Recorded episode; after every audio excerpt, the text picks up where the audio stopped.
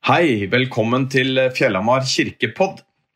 Jeg heter Espen Hegeland og er prest her i Fjellhamar menighet. Og jeg har gleden av å holde søndagens eh, preken denne andre søndag i treenighetstiden. Teksten er henta fra Johannes kapittel 3, fra vers 26 til vers 30, og jeg skal lese teksten. De gikk til Johannes og sa til han, Rabbi, han som var sammen med deg på den andre siden av Jordan, og som du vitnet om, han døper nå, og alle går til han. Johannes svarte, et menneske kan ikke få noe uten at det blir gitt ham fra himmelen. Dere er selv mine vitner på at jeg sa, jeg er ikke Messias, men jeg er sendt i forveien for ham. Den som har bruden, han er brudgom. Men brudgommens venn, som står og hører på ham, gleder seg stort over å høre brudgommens stemme. Denne gleden er nå blitt min, helt og fullt. Han skal vokse, jeg skal avta. Makt, posisjon, anseelse, det har alltid vært ettertraktet. Det trenger ikke dreie seg om maktsyke, maktarroganse, misbruk av makt eller annet i negativ betydning, men hos de fleste av oss ringer det happy bells når folk kommer til oss for å be om hjelp.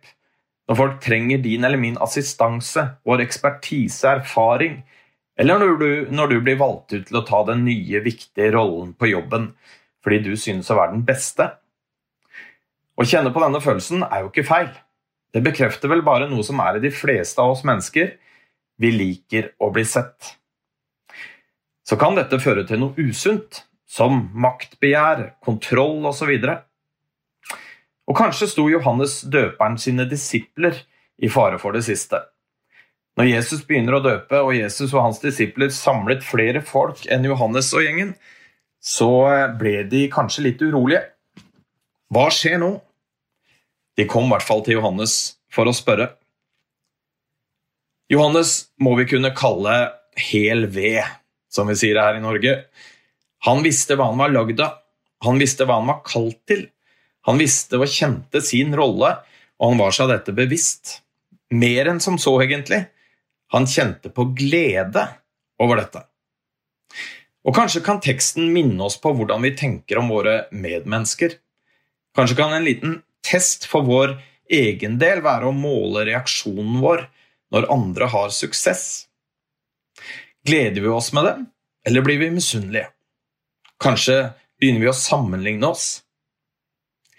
Og For oss som er kristne, viser teksten oss også vår posisjon i forhold til Gud. Mitt liv handler ikke om, hva, eh, om meg og hva jeg kan klare å oppnå. I am on a mission from God.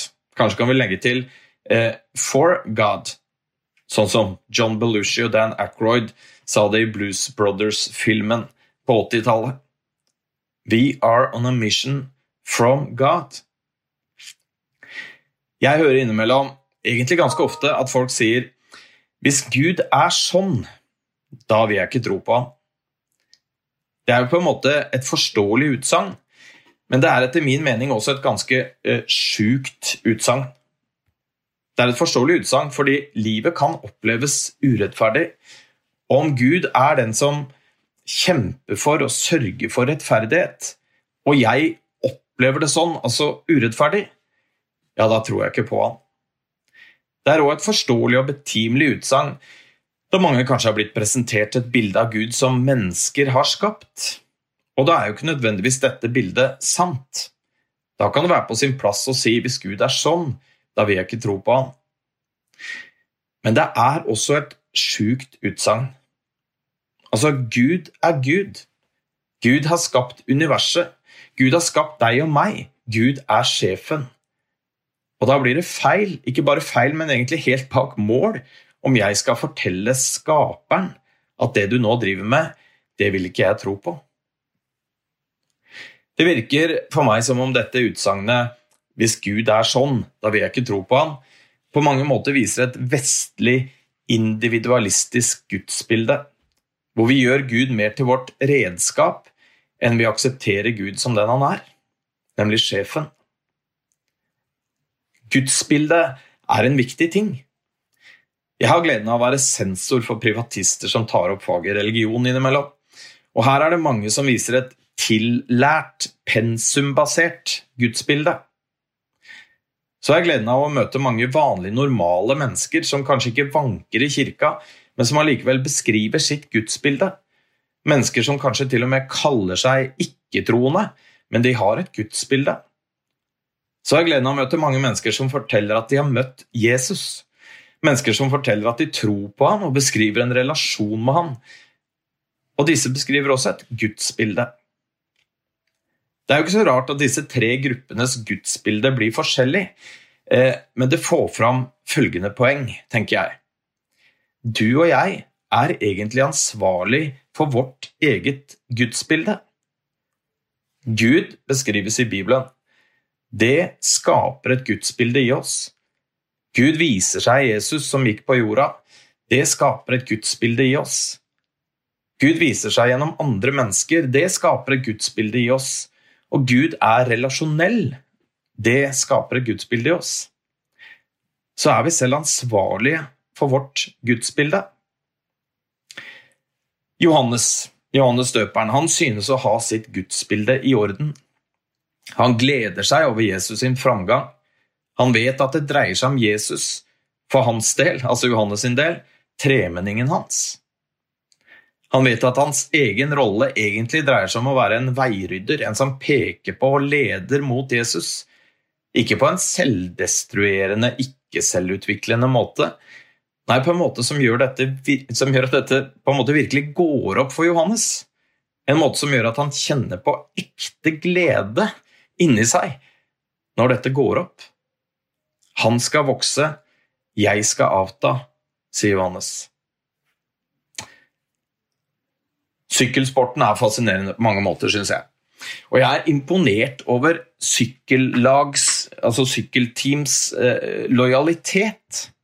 Det dreier seg om at kapteinen skal vinne, og laget gjør hva de kan for å gi kapteinen en best mulig posisjon.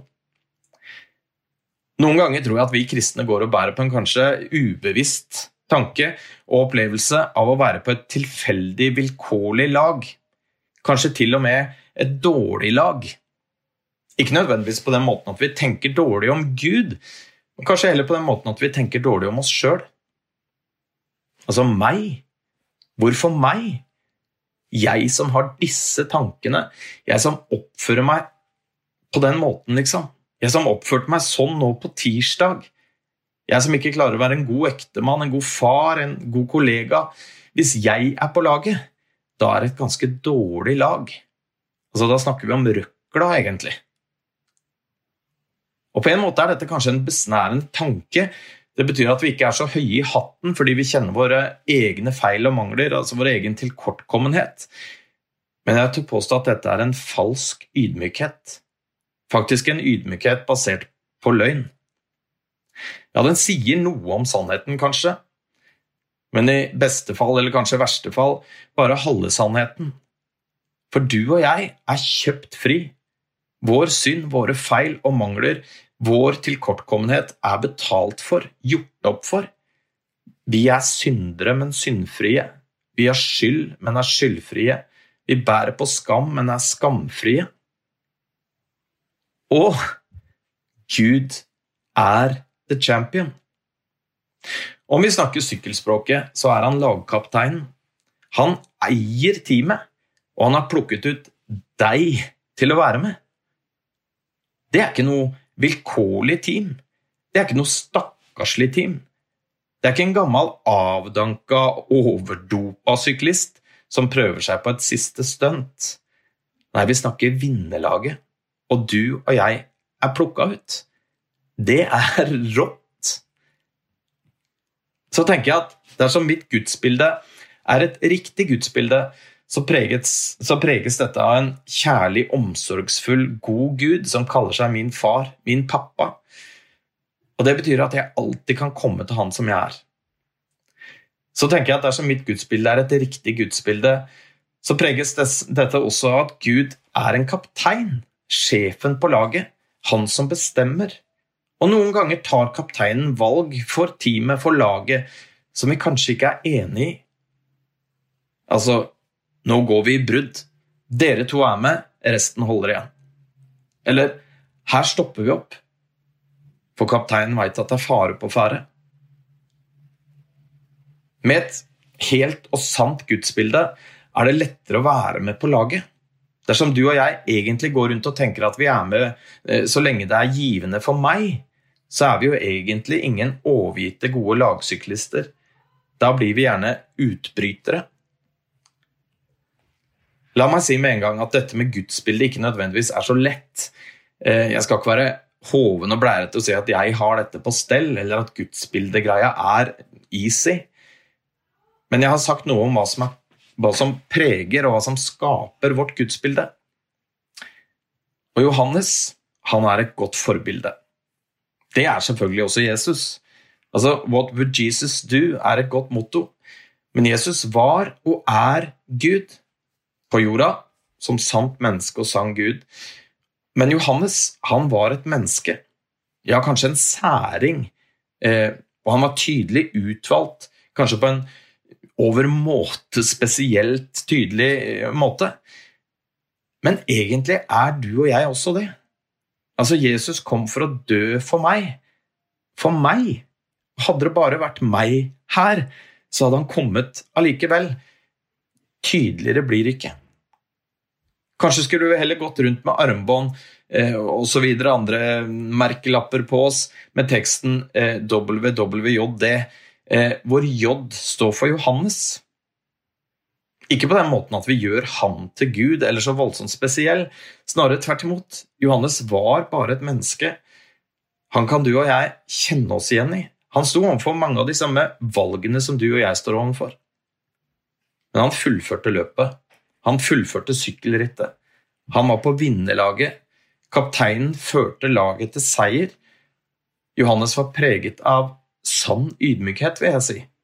Ikke preget av skam og skyld for den var vasket bort, men preget av et sant bilde av seg selv og et sant bilde av Gud. Han skal vokse, Jesus skal vokse, jeg skal avta. Folkens, la det være vårt livsmotto. Jesus skal vokse i meg, jeg skal avta. Ta imot Herrens velsignelse. Herren velsigne deg og bevare deg. Herren la sitt ansikt lyse over deg og være deg nådig. Og Herren løfte sitt åsyn på deg og gi deg sin fred. Amen.